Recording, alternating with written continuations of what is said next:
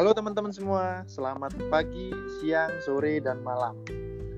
Ruang berbagi kembali lagi, tentunya dengan saya, Wagi, gitu kan. Nah, di part keempat ini, wah tak terasa ya, ternyata sudah part empat ruang berbagi menemani teman-teman semua.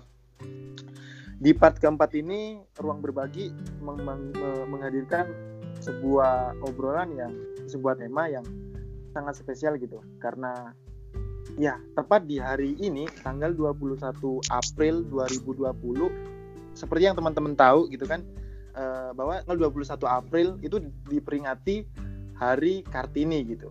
Jadi, ya, obrolan kita malam hari ini akan seputar tentang Hari Kartini gitu. Jadi kita akan mengobrol nih. Tentunya aku ada teman. Nah, tentunya teman yang kartini kartini. Kan tentunya nggak asik tuh kalau seumpama ngobrolin tentang kartini gitu kan. Dengan saya yang bukan uh, kartini. Malah judulnya bukan kartini dong jadi kartono. Jadi ya mungkin langsung saja ya. Uh, bisa kita langsung. Halo kak Arin. Halo. Oke kenalin dong uh, dirinya. Oke semuanya. Perkenalin Nama saya Arin. Saya dari Lombok, Nusa Tenggara Barat. Uh, saat ini kuliahnya di Cina, JSH AHVC di Jiangsu, Cina. Oke, okay, jadi baru tahun pertama. Oke, okay, sekarang ada di Sekarang lagi pulang kampung. lagi pulang ya, liburan panjang ya. Oke, okay, yeah. uh, sekedar pemberitahuan nih. Uh, Kak Arin ini merupakan sekarang menjadi uh, pimpinan redaksinya di Ruang Berbagi. Ye.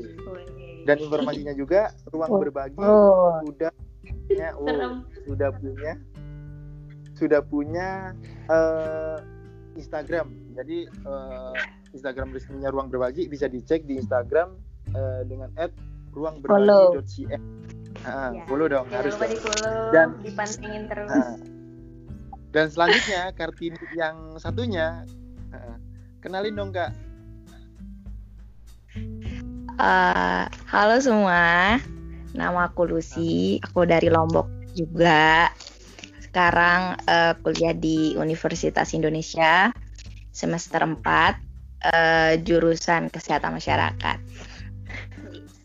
Oke, uh, Kak Lucy dengan Kak Arin. Oke, jadi malam hari ini kita ten, apa kita akan ngobrol tentang uh, Hari Kartini dengan Kartini Kartini masa kini gitu tentunya. Ini bakal seru nih. Uh, uh, uh, uh, jadi menurut Kak Arin dan Kak Lucy nih Kak, uh, gimana kalau mendengar kata Kartini itu gimana sih gambaran kakak gitu? Siapa duluan? Kak Lucy, Kak Lucy. Uh, Oke. Okay. Uh, eh, kalau dari pendapat aku, pertama kali mendengar Kartini itu langsung kebayang gitu loh kayak perempuan gitu. Di mana perempuan juga punya hak yang sama dengan laki-laki. Uh, uh, di sini tuh Kartini menurut aku pribadi bukan lebih kepada harus berkebaya bukan juga uh, konde gitu kan. Bukan bukan kayak gitu. Lebih kepada perjuangan lebih kepada emansipasinya lebih kepada uh, perempuan itu punya yang hak yang sama gitu sama yang laki-laki. Kayak gitu sih. Oke kartini versinya kalau kalau kak Ari nih gimana kak? Ya. Menurut pandangan menurut pandanganku sendiri kalau terlintas di benak kartini itu perempuan hebat yang memperjuangkan pendidikan gitu loh. Buat perempuan sih maksudnya kan zaman dulu kan memang perempuan uh, kodratnya disuruh di rumah terus. Tapi karena perjuangan dari RA Kartini uh, alhamdulillah sekarang mungkin kita nggak mungkin aku sendiri mungkin nggak bisa keluar keluar negeri belajar atau apa itu meraih pendidikan. Mungkin nggak bisa. Jadi begitu sih betul banget uh, Kartini seperti yang kita uh, sebenarnya uh, aku setuju sih dengan kakak-kakak sekalian. Soalnya ya Kartini coba bayangkan kalau semua uh, di Indonesia itu nggak ada Kartini. Wah bisa dibayangkan kita tetap uh, masih dengan budaya nenek moyang yang uh, perempuan harus ada di rumah perempuan hakikatnya hanya mengurus rumah tangga gitu. Jadi ya dan harapanku juga kartini kartini yang ada juga bisalah uh, merefleksikan gitu. Apa-apa yang telah diperjuangkan hmm. kartini gitu. Ya benar. Dan uh, oh. sekedar uh, dan pemberitahuan juga buat teman yang mendengar uh, buat teman-teman ya, yang kak mendengar, lanjut aja. Siap uh, buat teman-teman yang mendengar uh, kenapa sih kartini apa hari kartini itu diperingati tanggal 21 April gitu ya saya kasih tahu bahwa ternyata uh, kenapa kok di akhirnya diperingati hari kartini pada tanggal 21 April itu adalah karena uh, tanggal 21 April itu merupakan hari lahirnya Raden Ajeng Kartini gitu. Tepatnya pada tanggal 21 April 1879 gitu. Kalau kita tarik sampai hari ini 21 April 2020 itu sudah 141 tahun Kak lamanya. Wah, keren banget bukan? Bahwa kalian banget. Uh, fem, uh, feminis feminisme di Indonesia itu bahwa setua itu loh gitu dan hmm. seperti yang kita tahu muda ini gitu bahwa di luar lagi marak-maraknya dan genjar-genjarnya lagi memperjuangkan feminisme itu. Dan di Indonesia sendiri sebenarnya sudah satu abad lebih lamanya gitu. Feminisme itu hmm. wah begitu kerennya. Ternyata orang-orang Indonesia itu kan gitu. Iya. wah ya, benar kita harus apresiasi kepada orang-orang Indonesia yang ternyata keren sekeren itu gitu. Dan untuk yang kedua nih kak. Menurut kak Lucy dan kak Arin nih apa yang bisa kita refleksikan gitu di balik perjuangan RA Kartini nih memperjuangkan mm-hmm. emansipasi emansipasi wanita tuh di bumi manusia. Menurut Kak Arin gimana? Apa yang yang bisa kita refleksikan serta renungan, renungkan di balik perjuangan beli, perjuangan beliau? menurutku sendiri mungkin yang bisa kita refleksikan apalagi pada zaman modern sekarang ini ya yang harus kita uh, tingkatkan itu sebenarnya kesadaran atau mindset kita terhadap pendidikan perempuan. Karena gimana? Karena itu pendidikan pertama ya. Karena gimana? Karena banyak sekali eh, asumsi-asumsi uh, masyarakat apalagi uh, apa orang-orang terdahulu nih yang bilang kalau perempuan itu tuh nggak cocok berpendidikan, berpendidikan tinggi atau gimana lah. Nah itu mindsetnya yang harus mesti harus diubah gitu. Apalagi pada zaman modern sekarang ini gitu apalagi kan sekarang sudah banyak di Indonesia mungkin bukan hanya di Indonesia Indonesia saja.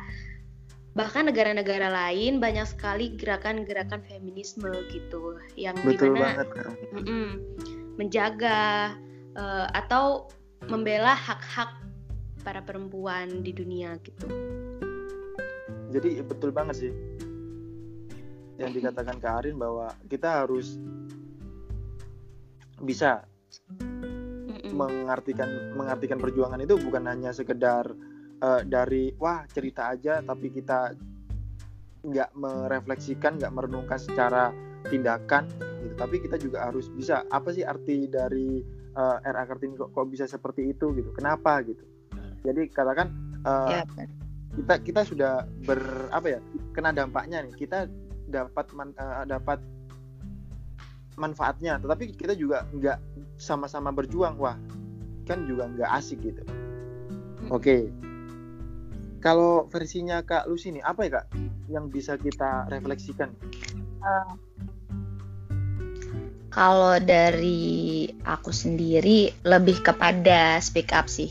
Kan uh, tadi yang dibilang Arin tentang pendidikan, uh, mau menambahkan tentang pendidikan sebenarnya tanpa kita sadar da era era modern sekarang itu sebenarnya masih ada uh, kayak pembatasan gitu loh kayak pendidikan dibatasin yang cewek lebih uh, baik masak di uh, rumah atau juga nanti bakal jadi ibu rumah tangga lebih ke mindset kayak gitu.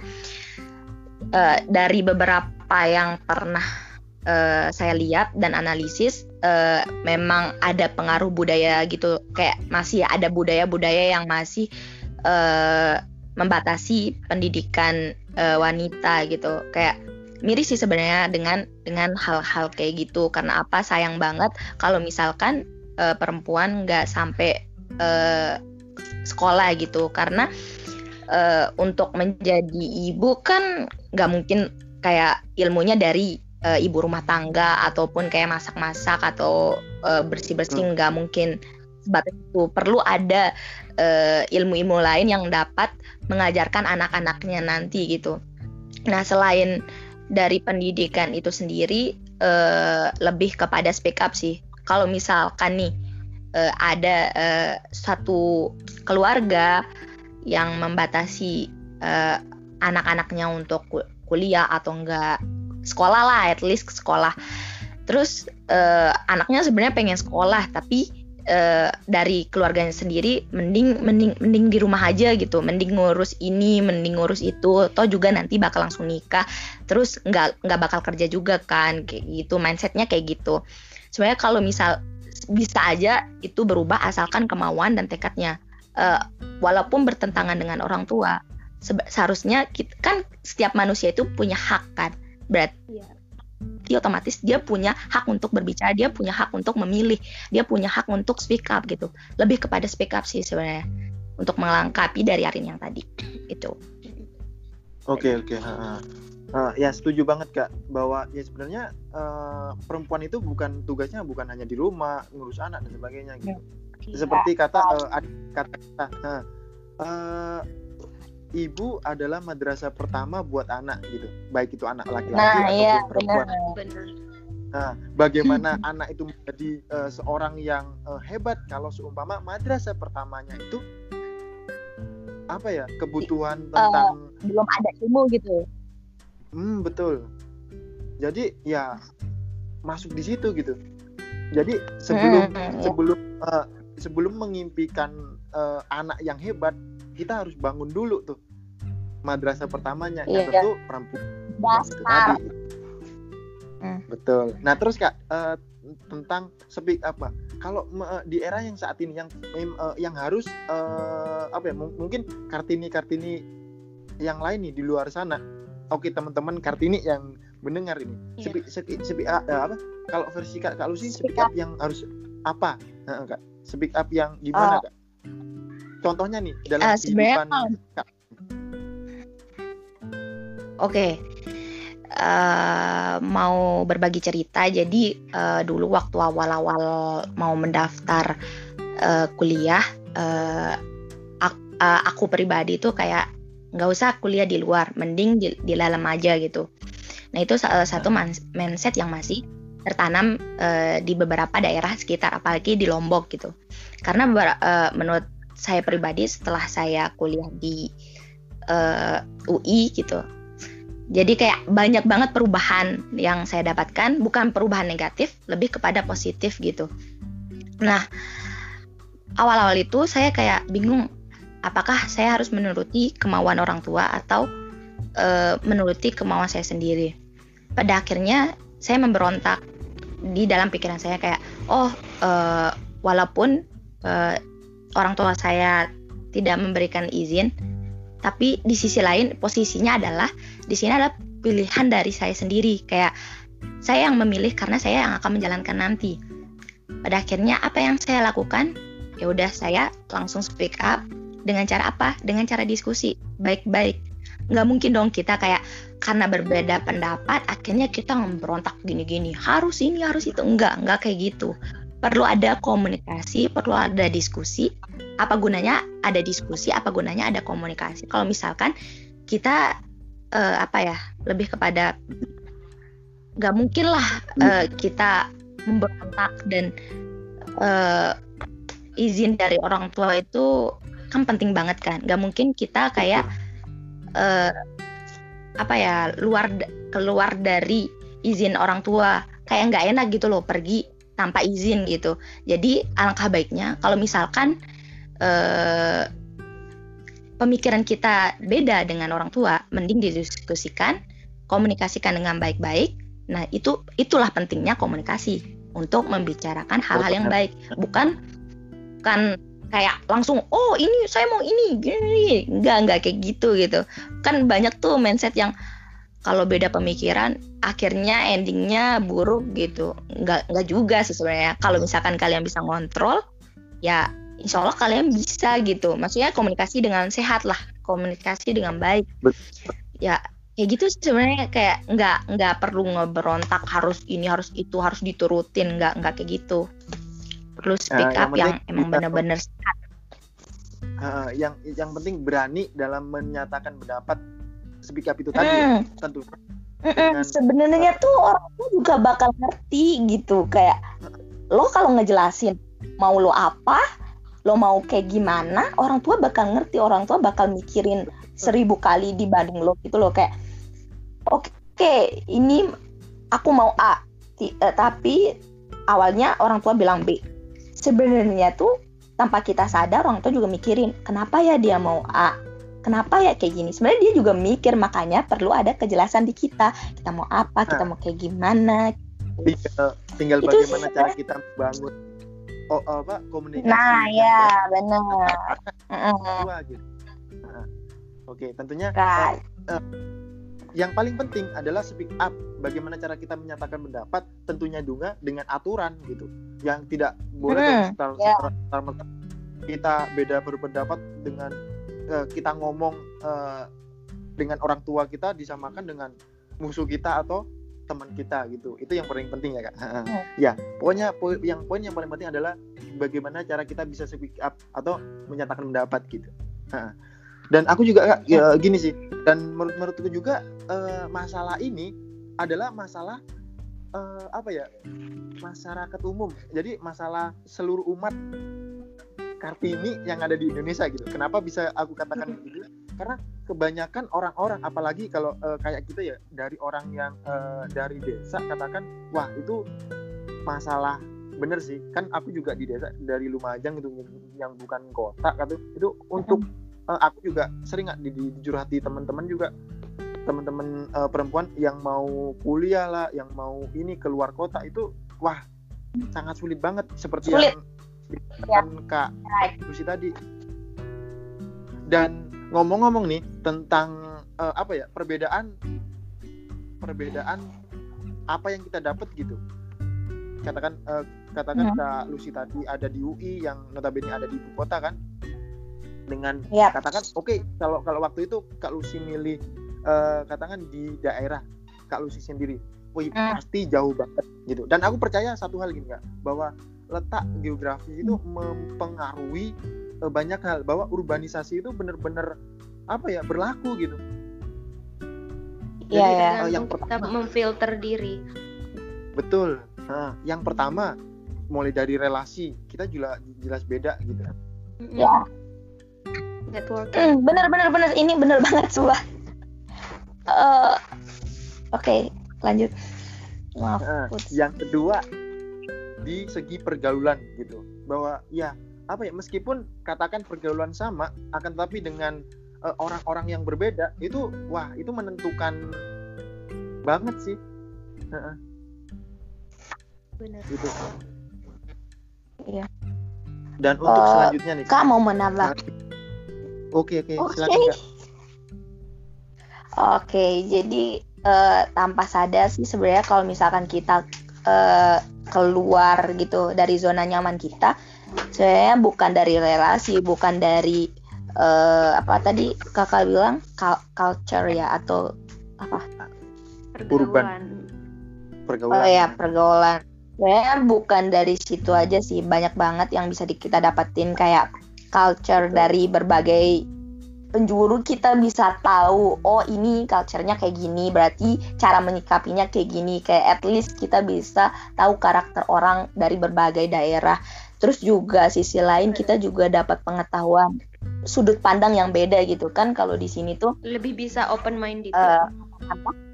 betul. iya benar. Kayak katakanlah di sini tuh uh, kita aja nggak bisa dipungkirin juga kalau misalkan daerah aku sendiri tuh jauh banget dari kota gitu. Apalagi dia kan kota gitu. Cara belajarnya itu beda banget dengan yang dari kita gitu. Yang yang kita rasa udah dua kali lipat dia udah empat kali lipat gitu. Contohnya kayak misalkan nih kita belajar padahal uh, semalam besoknya mau tes malamnya belajar. Kita kan seringnya kebut semalam. Nah kalau dari mereka itu kebanyakan kayak jauh-jauh hari belajar ini kayak gini cara belajarnya kayak udah dididik gitu loh cara belajar kayak gimana. Oh kayak gini gini gini. Bahkan materi-materi dia itu udah udah melampaui maksudnya udah materi-materi kuliah dia udah belajar di SMA jadi kan kayak kita baru mulai dia udah tahu gitu. Kayak beda gitu loh. Tapi untung aja kayak ada apa ya istilahnya menghargai gitu loh. Kayak dia menghargai karena kita dari luar daerah mungkin gak dapat jadi kita kayak diajarin oh kayak gini loh kayak gini. Jadi at least kita tahu kayak gimana cara belajar mereka bagaimana culture mereka bagaimana cara mereka berteman kayak gitu sih. Nah uh, betul banget setuju banget sih ya. Uh, aku juga merasakan gitu bahwa uh, kan aku kebetulan juga di Cina kan jadi ya apa ya yang sharing kak. wah sangat uh, sangat berbanding berbalik dengan ya kebudayaanku di Indonesia apalagi tentang belajar gitu kan ya seperti yang ya sangat sepakat lagi. Ya, kalau kita ada ada ada desa kebut semalam itu sudah menjadi kultur gitu. Kultur kultur ya. uh, kami anak-anak desa gitu. Nah sedangkan waktu itu eh, setelah sampai di Cina gitu kan waduh uh, gimana ya? Bahwa mereka itu seakan-akan kalau masa di bangku uh, kuliah mereka hidup itu untuk untuk untuk belajar gitu. Sampai uh, dosenku pernah gini nggak uh, bahasa Cina-nya lupa tapi intinya gini meskipun hujan okay. hujan meskipun hujan pisau apa kelas tetap harus masuk gitu saking apa ya memujanya mereka sama belajar gitu sampai muncul oh, iya. kata-katanya seperti itu gitu dan emang tidak tidak tidak bisa dipungkiri bahwa apa ya seperti yang kita tahu bahwa kalau kampus apa kalau di sekolah kayak uh, apa perpustakaan itu banyak kosongnya di sini wah menjadi rebutan bangku itu bahwa kalau apa ya, habis bener, bener. habis sake, hmm. nah, habis pulang kelas gitu kan jadi orang telat aja mau masuk ke ke perpus ya sudah habis sudah uh, bangkunya betul nggak Arin pengalamannya betul betul nah. banget jadi bener, ya bener. Wah, uh, uh. dan jadi uh, apa ya betul banget sih jadi uh, kita open open mind open mind itu yang mungkin kalau uh, aku boleh berpendapat Indonesia juga harus terapkan gitu bukan hanya menjadi sebuah metode pembelajaran akan tapi harus tuh sudah menjadi kultur di kultur belajar ya, dari harus menjadi uh, pendidikan gitu. gaya gitu. hidup lah betul uh, soalnya percuma mau mau seribu kali pun nah kurikulum mau diubah seribu kali pun kalau dari kitanya dari siswanya nggak support akan sistem itu ya akan percuma gitu. Benar. Oh benar-benar jadi ya uh, buat teman-teman yang mendengarkan nih ya ayo kita sama-sama mengkampanyekan. Asik. Open mindedness. Ya. ya kita harus speak up. Oh mantap mantap oke selanjutnya nih kak uh, yep. ada aku uh, ada kutipan dari uh, RA Kartini nih kak bunyinya gini Hmm. Orang yang mengenal pendidikan modern akan lupa dengan budaya nenek moyangnya. Oke, menurut kakak nih sebagai Kartini masa kini, gitu. tekan. Ya. Nah, menurut Kak Arin eh. dan Kak Lucy, nah, kata-katanya gini, orang yang mengenal pendidikan modern akan lupa dengan budaya nenek hmm. moyangnya. Nah, kalau men, uh, kalau kalau mendengar kata-kata ini, perspektif Kak Arin dengan Kak Lucy gimana kak? Kalau uh, mulai dari mana? Oke, okay. Kak Lucy dulu mungkin. Oke. Okay. Uh, eh, menarik banget nih. Uh, jadi kemarin aku sempat belajar tentang sosiologi antropologi di mana kayak dia belajar yang lebih ke antropologi sih. Antropologi tentang budaya-budaya. Nah, jadi di situ kayak ada mindset yang di mana kan budaya-budaya lebih kepada nenek moyang kita. Budaya bukan sekedar uh, kayak zaman dulu. Sebenarnya budaya juga banyak yang baru-baru baru-baru dibuat. Uh, kita menyamakan perspektif dulu. Budaya itu bu, uh, budaya itu adalah kebiasaan. Nah berawal dari kebiasaan mereka melakukan itu terus-terusan. Akhirnya nanti dari dari uh, dia terus dari uh, anaknya dari cucunya dan seterusnya. Itu kan kebiasaan mereka. Nah kalau kalau nih nggak uh, tahu sih antara perspektif aku udah berubah atau kayak gimana. Setelah belajar budaya jadi kan banyak banget tuh budaya yang sebenarnya itu nggak perlu nih kita lakukan nah e, contohnya seperti e, boleh nyebut merek nggak sih boleh sih boleh. bebas kak Oh bebas. Nah jadi di NTT itu kan e, budayanya itu kayak e, anak-anaknya lebih kepada dia nggak e, pakai sendal, terus nanti dia biarin gitu loh anaknya buat buat main tanpa dikasih apa pun gitu. Kan itu e, akan berdampak pada kesehatannya gitu.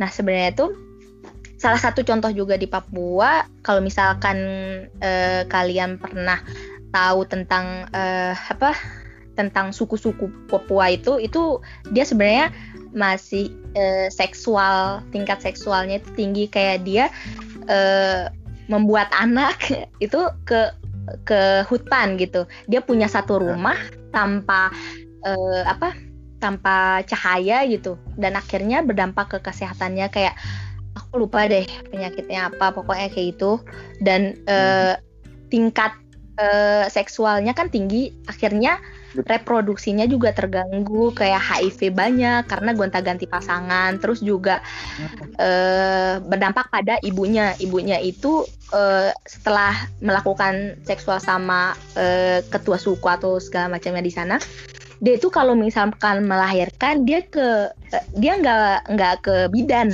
Jadi kayak gimana gitu? Dia dia bakal melahirkan di hutan gitu coba ya coba bayangin. Kalau misalkan dia di hutan e, melahirkan gitu.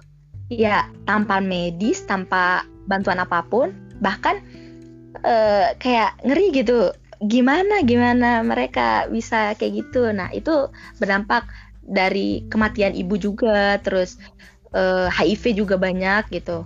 Nah itu kan berdampak dari budayanya. Budaya mereka itu nggak terlalu percaya dengan hal-hal kayak gitu Nah, kalau misalkan kita berpikir tentang budaya, uh, sebenarnya tanpa sadar itu kita berubah gitu.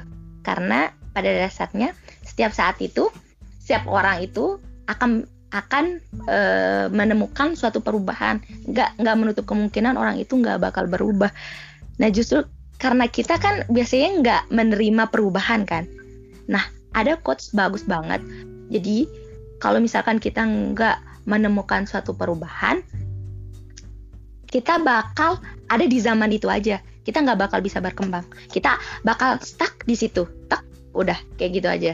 Nggak bakal maju-maju. Nah, orang-orang yang e, menerima perubahan adalah orang-orang yang memang e, apa bisa yang, bisa yang ingin merasakan sukses gitu. Iya, mau berkembang. Sebenarnya semua orang mau sukses cuma ada orang yang mau sukses tapi tidak menerima perubahan. Nah dia stuck di situ aja gitu. Tidak mau pada dasarnya untuk melupakan. Hmm ya yeah, right. Pada dasarnya uh, bukan melupakan budaya. Sebenarnya ingat budaya cuma kadang kalau misalkan nggak sesuai sama apa yang pernah kita pelajarin dan menurut kita itu benar ya gimana gitu. Contohnya nih misalkan PHBS lah. Pola hidup sehat, bersih dan sehat. Nah biasanya kan ada tuh orang yang nggak cuci tangan. Contohnya misalkan budayanya nggak nggak usah cuci tangan gitu. Dan kita dapat belajarnya cuci tangan gitu. Nggak mungkin dong kita me melakukan mengimplementasikan budaya kita ketika kita sudah tahu itu salah. Ya nggak sih? Ya dong betul, nah betul di situ garis besarnya adalah memang uh, ada perubahan. Cuma kita tidak melupakan budaya. Kita tetap mengingat tapi ada kalanya kita kayak tahu ini ada yang salah ini yang ada ada yang benar. Nggak mungkin budaya itu selalu benar pasti ada salahnya. Nah, nah. yang salah-salah itu adalah kita harus memperbaiki. Justru kita yang memperbaiki kesalahan-kesalahan itu dan pada akhirnya budayanya itu budaya yang salah itu nggak terus-terusan salah tapi bisa dibenarkan. Kayak gitu sih sebenarnya. Siap mantap mantap. Nah, ya kak. Emang ya apa ya uh, setuju banget sih yang dikatakan kakak kalau sih. Emang uh, budaya itu nggak sepenuhnya itu benar gitu. Ada kalanya budaya itu harus berubah. Mengingat zaman eh, benar. juga, juga berubah gitu. Dengan segala dengan segala yang dikatakan uh, kak Kalus tadi ya emang harus patutnya akan tapi ada beberapa uh, sudut pandang ada beberapa titik yang memang uh, apa ya mungkin itu sebuah budaya akan tapi saat ini apa ya uh, bentuknya itu bukan bukan menjadi budaya keseharian akan tapi sudah menjadi warisan gitu itu yang harus kita hmm. nggak mm. boleh ubah mm.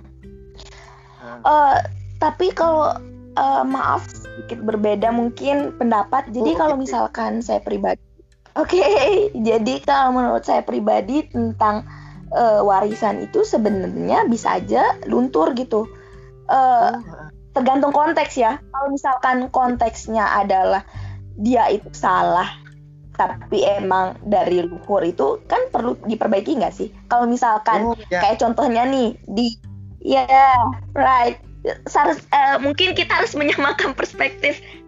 Soalnya takutnya uh, apa dari, beda yang mendengarkan nanti takutnya salah menanggapi. Mungkin lebih okay, kepada betul. yang uh, budaya yang leluhur di mana dia kayak contohnya kayak musik-musik nggak sih kayak itu kan nggak nah, perlu nggak perlu diubah itu kan udah leluhur gitu atau apa ya kayak leluhurnya uh, mungkin bisa dijelaskan leluhur dari budaya dari sana kawagi uh, uh, ya perspektifku dari situ kak maka uh, yang kayak budaya dalam arti budaya yang uh, bentuknya benda bukan kebiasaan yang aku katakan tadi. Hmm. Kalau kebiasaan seperti contohnya uh, Kak, Kak Lucy tadi kan kayak ya itu tadi tidak memakai sendal, tidak memakai ini gitu. Hmm. Uh, gitu. Ini juga tahu Kak. Iya, gimana? Sorry sorry kepanjangan. jadi Gak apa, Kak. Kita santai, uh, Oke, okay, jadi kemarin pernah diskusi sama uh, dosen saya. Jadi beliau itu pernah uh, apa kayak penelitian gitu loh di Lombok. Khususnya di Lombok Timur di Aimal kalau nggak salah. Eh enggak enggak enggak bukan di Aimal. Lupa deh di mana. Pokoknya Lombok Timur. Takutnya yeah. salah. Ya oke jadi di situ tuh ada tradisi kayak mama tahu mama nggak mama itu kayak dia eh apa makan nasi untuk anaknya. Jadi dia yang makan dulu, kunyah oh. dulu, terus ngasih anaknya. Oh. Right. Nah, kalau kalau di kalau nah, di Jawa itu, namanya enggak. Iya, mama namanya. Nah, jadi itu sebenarnya kalau misalkan kita eh apa ya terus-terusan kayak gitu, sebenarnya ada dampak besar gitu bagi kesehatan anaknya. Gizinya juga terganggu gitu. karena apa? Kan itu ada air liur dari ibunya. Nah itu udah terkontaminasi makanan itu udah terkontaminasi terkontaminasi sama air liur dari ibunya. Kalau misalkan dia dikasih nih ya kita nggak tahu ada apa di air liurnya ibunya gitu kayak itu masih tradisi sih. Sampai kayak perlu pendekatan lebih spesifik lagi ke masyarakatnya untuk kayak uh, apa ya sosialisasi tentang sosialisasi edukasi lah kak ya. Hmm, makanan makanan itu agar uh, anaknya mungkin harus dikasih ini agar ini. Gitu. Oh. penting banget. Wah uh, sangat hey. banyak sih kak uh, kalau kalau kalau men, apa kalau mendengar uh,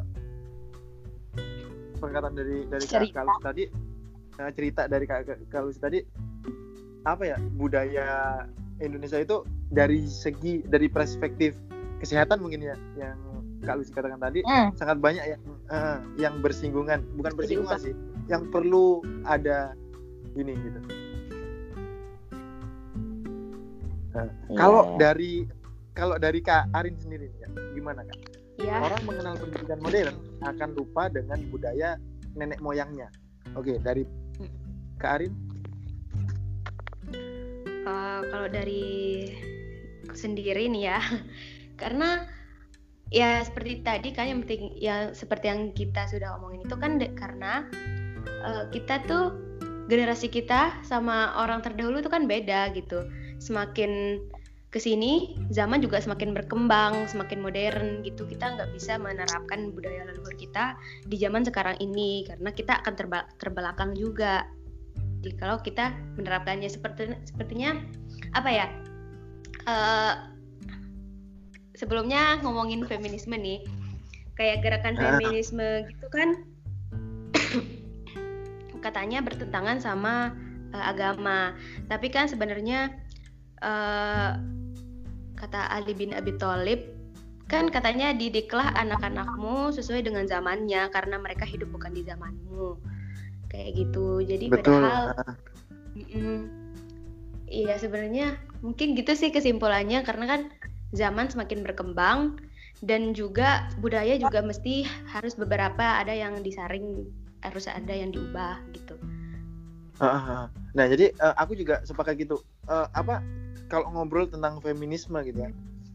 Sebenarnya kalau menurutku pribadi feminis itu apa ya? Kebanyakan orang uh, memandang itu nggak baik karena dianggap feminisme feminisme itu adalah sebuah pemberontakan. Jadi sebuah gerakan pemberontakan untuk me mengakui dengan paksa bahwa apa ya emansipasi itu harus benar-benar berlaku. Padahal di dalam hakikatnya kalau menurut aku gitu kan feminisme itu seperti yang kita contohkan tadi gitu. Uh, perjuangan dari RA Kartini yang seperti yang kita tahu lah. Dari uh, eh, 100 tahun yang lalu beliau berjuang dalam artian uh, apa ya menyuarakan speak up tentang emansipasi. Ya emang tentunya tidak mm. tidak gampang akan tapi dari tulisan-tulisan beliau itu beliau dapat dikenal oleh mancanegara gitu. Bahkan surat-surat beliau dapat didengungkan di belahan uh, negara di Eropa sana seperti yang aku baca waktu itu di bukunya Pram bahwa hmm. ya surat-surat apa surat-surat beliau, beliau itu surat-surat dari R.A. Kartini itu sangat dihargai dan sangat wah hmm. ini di Eropa sana gitu. Nah, jadi kalau menurutku lihat konteksnya dalam artian feminisme itu sendiri uh, apa ya dari ya seperti yang kita bicarakan tadi dengan yeah. uh, gimana cara kita berspeak up gitu ba bagaimana cara kita menyampaikan kalau bentuknya uh, dengan anarkis ya tentunya banyak orang yang nggak setuju hmm. tentang itu akan tapi konteksnya kalau menurut feminisme itu adalah sebuah apa ya sebuah hak yang harus dimiliki oleh para wanita para perempuan-perempuan di dunia gitu dan apalagi hmm. sekarang sudah modern dengan keadaan yang seperti ini tentunya ya itu harus diperjuangkan. Seperti yang uh, aku baca salah satu artikel bahwa feminisme feminisme itu bukan hanya untuk uh, perempuan kok. Laki-laki juga harus iya benar. memiliki sisi feminisme gitu. Benar. ya itu tadi sih. Nah, feminisme gitu. Mantap banget kak Wegi Oke, uh, mungkin ada tambahan dari Kak Kak Lucy tentang feminisme kan kita uh, tadi ngomong tentang uh, budaya. Kalau menurut Kak Kak Kak Lucy sendiri, pandangan Kak Lucy tentang uh, Kak Kak Lucy tentang feminisme? Uh, simple aja sih, emansipasi. Udah. Iya. Gitu aja. Emansipasi, ya. Betul banget. Ya. uh, atau persamaan hak sepenuhnya lah antara kaum wanita dan pria. Kayak lebih kepada eh, nggak uh, boleh memberatkan wanita juga pun sebaliknya nggak boleh memberatkan laki-laki. Walaupun nih ada emansipasi kita sebagai wanita juga kayak tahu gitu batasan-batasan yang perlu uh, dilakukan. Kayak misalnya walaupun kita kerja nih at least kita nggak usah ngelupain tanggung jawab kita. Kayak contohnya uh, kita sebagai wanita harus juga bekerja di dapur. Uh, kalau misalkan sudah berkeluarga, kita juga tidak perlu melupakan uh, tanggung jawab kita sebagai ibu. Gitu. Betul, betul banget sepakat. Nah. Oke, okay, mungkin uh, yang terakhir nih kak, pesan dan pesan uh, pesan kakak-kakak sendiri sebagai uh, Kartini hari ini yang sadar tentang akan hal itu semua apa sih kak pesan kakak kepada Kartini Kartini di luar sana. Mungkin yang mungkin bagian belum uh, tahu dan belum merefleksikan secara ini kepada apa sih uh, pentingnya kita. Jadi bukan kita hanya memperingati aja itu apa hari Kartini tapi juga harus tahu nih perjuangannya seperti apa era Kartini. Pesan dan kesannya kakak mungkin. Dari Kak Ari okay. dulu. Dari saya okay. sendiri um, pesan saya sih pesan dan kesan untuk semua para kartini di Indonesia maupun di dunia. Setuju atau enggak setuju? Uh, we all benefit from emancipation. Ngerti gak sih? Kayak kita bisa mendapatkan akses akses ke pendidikan itu karena emansipasi ataupun mungkin karena gerakan feminisme. Perempuan memiliki kesempatan untuk berkarir itu juga karena emansipasi. Perempuan bisa ikut pemilih dalam pemilu mungkin maksudnya memilih dalam pemilu karena emansipasi perempuan jadi dapat affirmative action itu karena emansipasi dan lain sebagainya. Jadi mungkin uh, banyak yang misunderstanding juga mengenai emansipasi atau enggak gerakan feminisme. Tapi memang di satu dan sisi lain itu kan banyak tempat di dunia ini masih banyak orang-orang yang violating nilai feminisme yang berujung ke perilaku tidak adil terhadap perempuan kayak gitu. Jadi maka dari itu mari kita para Kartini hal ini harus terus dikampanyekan biar kelak itu kesetaraan dan keadilan yang utuh bisalah tercapai. Amin. Amin. Siap semangat nah, para feminis Indonesia. Oke. Okay. Uh, Kak Nah.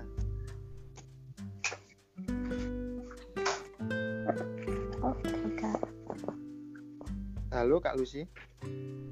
Oke, okay. uh, eh, pesan dan kes ya pesan dari aku sendiri buat kalian di luar sana para wanita-wanita hebat uh, yang akan yang berada di fase di mana uh, terhenti karena uh, budaya ataupun karena orang tua. Mungkin uh, kalian mem perlu memperjuangkan apa yang kalian pilih apa yang kalian inginkan dan apa apa yang kalian butuhkan. Karena pada dasarnya uh, perempuan uh, semua perempuan uh, memiliki haknya masing-masing dalam uh, menjalani hidupnya nggak nggak nggak mungkin dia juga menjalankan alur-alur yang dibuat oleh orang. Dia pasti akan sangat uh, perlu dan membutuhkan alur-alur yang mereka inginkan sendiri. Karena pada dasarnya hidup itu bukan sekedar apa yang kita inginkan saja, tapi lebih kepada eh, apa yang kita butuhkan, apa yang kita nyaman, apa yang uh, membuat kita bahagia gitu at least kalian bisa speak up, kalian bisa komunikasi dengan baik, kalian bisa memperjuangkan, kalian eh, nggak uh, nggak bisa dibatasi dengan apa yang orang mau, tapi kal kalian bisa kalian sendiri yang bisa membatasi apa yang kalian mau. Udah itu aja sih. Oke, okay. wah sangat keren-keren banget nih dari kartini kartini masa jadi dan, dan harapanku juga para kartini di luar sana itu juga harus paham ya tentang segala hal gitu. Dan harapanku juga apa ya uh, bukan hanya merefleksikan hari kartini itu sebagai peringatan wah ini hari kartini terus sebar ucapan eh, ucapan-ucapan hari kartini tanpa merefleksikan. nah ya benar uh, ya benar benar apa sih hari kartini dan kenapa ada hari kartini itu tadi gitu. Bahwa di balik hari Kartini ada perjuangan panjang seorang Kartini yang dengan uh, bersusah payah dan bermandi air mata di setiap perjuangannya hmm. gitu. Dan hmm. ini uh, podcast ini merupakan uh, kampanye dan merupakan uh, speak up dari kami khususnya ruang berbagi dalam mengingatkan Kartini di luar sana bahwa ini yang harus kita lakukan gitu dan yang terakhir dari hmm, saya uh, adalah ya ayo uh, para kartini Indonesia khususnya perempuan eh, perempuan-perempuan di luar sana feminisme itu bukan kekerasan. Feminisme itu adalah sebuah gerakan yang emang harus dilakukan oleh para wanita di luar sana gitu. Agar apa? Teman-teman feminis teman-teman perempuan di sini mendapatkan hak yang seadil-adilnya di bumi ini gitu dan Mm-mm. terus Mau eh, nambahin buat dikit. oh ya Iya, banyak banget mitos yang bilang kalau feminis itu eh, gerakan perempuan yang harus lebih tinggi derajatnya dari laki-laki. Tapi sebenarnya feminis itu kan hanya menginginkan kesetaraan gender, kayak gitu. betul banget Mm-mm. Heeh. Eh, jadi mau menambahkan dari katanya Arin sebenarnya itu tergantung dari perspektif apa yang eh, apa yang kalian ambil kayak eh, kalau misalkan orang yang eh, mengambil perspektif yang beda kayak contohnya yang tadi Arin bilang itu dia lebih kepada kayak perempuan lebih tinggi daripada laki-laki. Sebenarnya kalau misalkan kita telah kembali apa itu feminisme kayak gimana gerakan-gerakannya itu bisa banget untuk menyadarkan bahwa sebenarnya feminisme feminisme itu nggak sebarbar itu loh nggak se harus menang harus gini nggak nggak kayak gitu feminisme itu benar kata Arin benar kata yang dibilang KWG juga kalau misalkan feminisme itu cuma perlu ada kesetaraan gender aja gitu Mm-mm. Feminisme bukan Nah. melawan kodrat alami manusia juga, cuman untuk melawan penindasan, untuk melawan kebodohan gitu. betul banget Hmm. nah maka maka dari itu pada dasarnya perempuan juga Hmm. Eh, perlu ada ilmu, perlu juga pintar lah istilahnya, karena Apalagi dia juga bakal anak-anaknya nanti juga kan. Mm-mm. Betul banget. Heeh. Setuju banget kak. Maka dari itu eh, di balik aksi-aksi feminis yang dilakukan oleh eh, para perempuan di dunia ini, satu hal yang paling penting dari gerak-gerak itu, Hmm. para para laki-laki juga harus sadar dan harus mengerti apa itu feminisme itu tadi, biar tidak ada eh, perspektif yang mana wah gerakan feminisme ini ad- adalah kegiatan yang Merendahkan laki-laki. Heeh, merendahkan laki-laki dan ingin di- diakui lebih derajatnya lebih tinggi tidak maka dari itu eh, apa ya aspek dari perempuannya juga dari laki-lakinya juga harus mengerti apa itu feminisme ini. Karena pada dasarnya ya itu tadi feminisme itu bukan sebuah gerakan yang merendahkan atau ingin diakui kodratnya lebih tinggi dari laki-laki itu sih Hmm, kalau dari saya benar-benar. dan mungkin ada tambahan lagi nggak Gimana Kak Lus? Em, apa ya? Udah sih gitu aja. so sorry Ah. guys. santai kak Nah, karena kita di sini eh, ah, ya ini kak ruang berbagi harapan kami juga di ruang berbagi ini eh, apa ya ayo kita eh, jadi sebuah media untuk orang-orang itu bersuara gitu dalam artian apa yang eh, semuanya bisa dibagi kok keahlian kita. Benar. dan harapan kami kami eh, ingin konsisten di ruang berbagi ingin eh, mencoba menjadi ruang buat pemuda-pemuda di sana buat teman-teman di luar sana yang ingin berbagi ayo berbagi dengan kami gitu bahwa Hmm. apa yang cerita cerita kalian cerita eh, semua orang itu bisa bermanfaat buat bagi orang lain gitu. Benar-benar.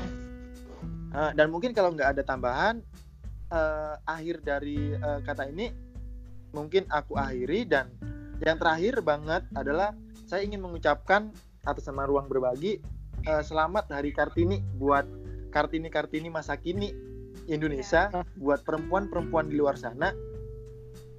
Selamat hari Kartini semoga eh, seperti yang katakan tadi teman-teman perempuan di luar sana dapat mem- merefleksikan lebih jauh perjuangan era Kartini bukan eh, asal Sekedar eh, ucapan. mem- memperingati hari Kartini dengan ucapan dengan mengeser eh, kata-kata bijaknya akan tetapi juga berperan aktif dalam mengimplementasikannya. perjuangan mengimplementasikan perjuangan-perjuangan era Kartini Mm-mm. dan mungkin itu saja eh, podcast kali ini part 4 Ya.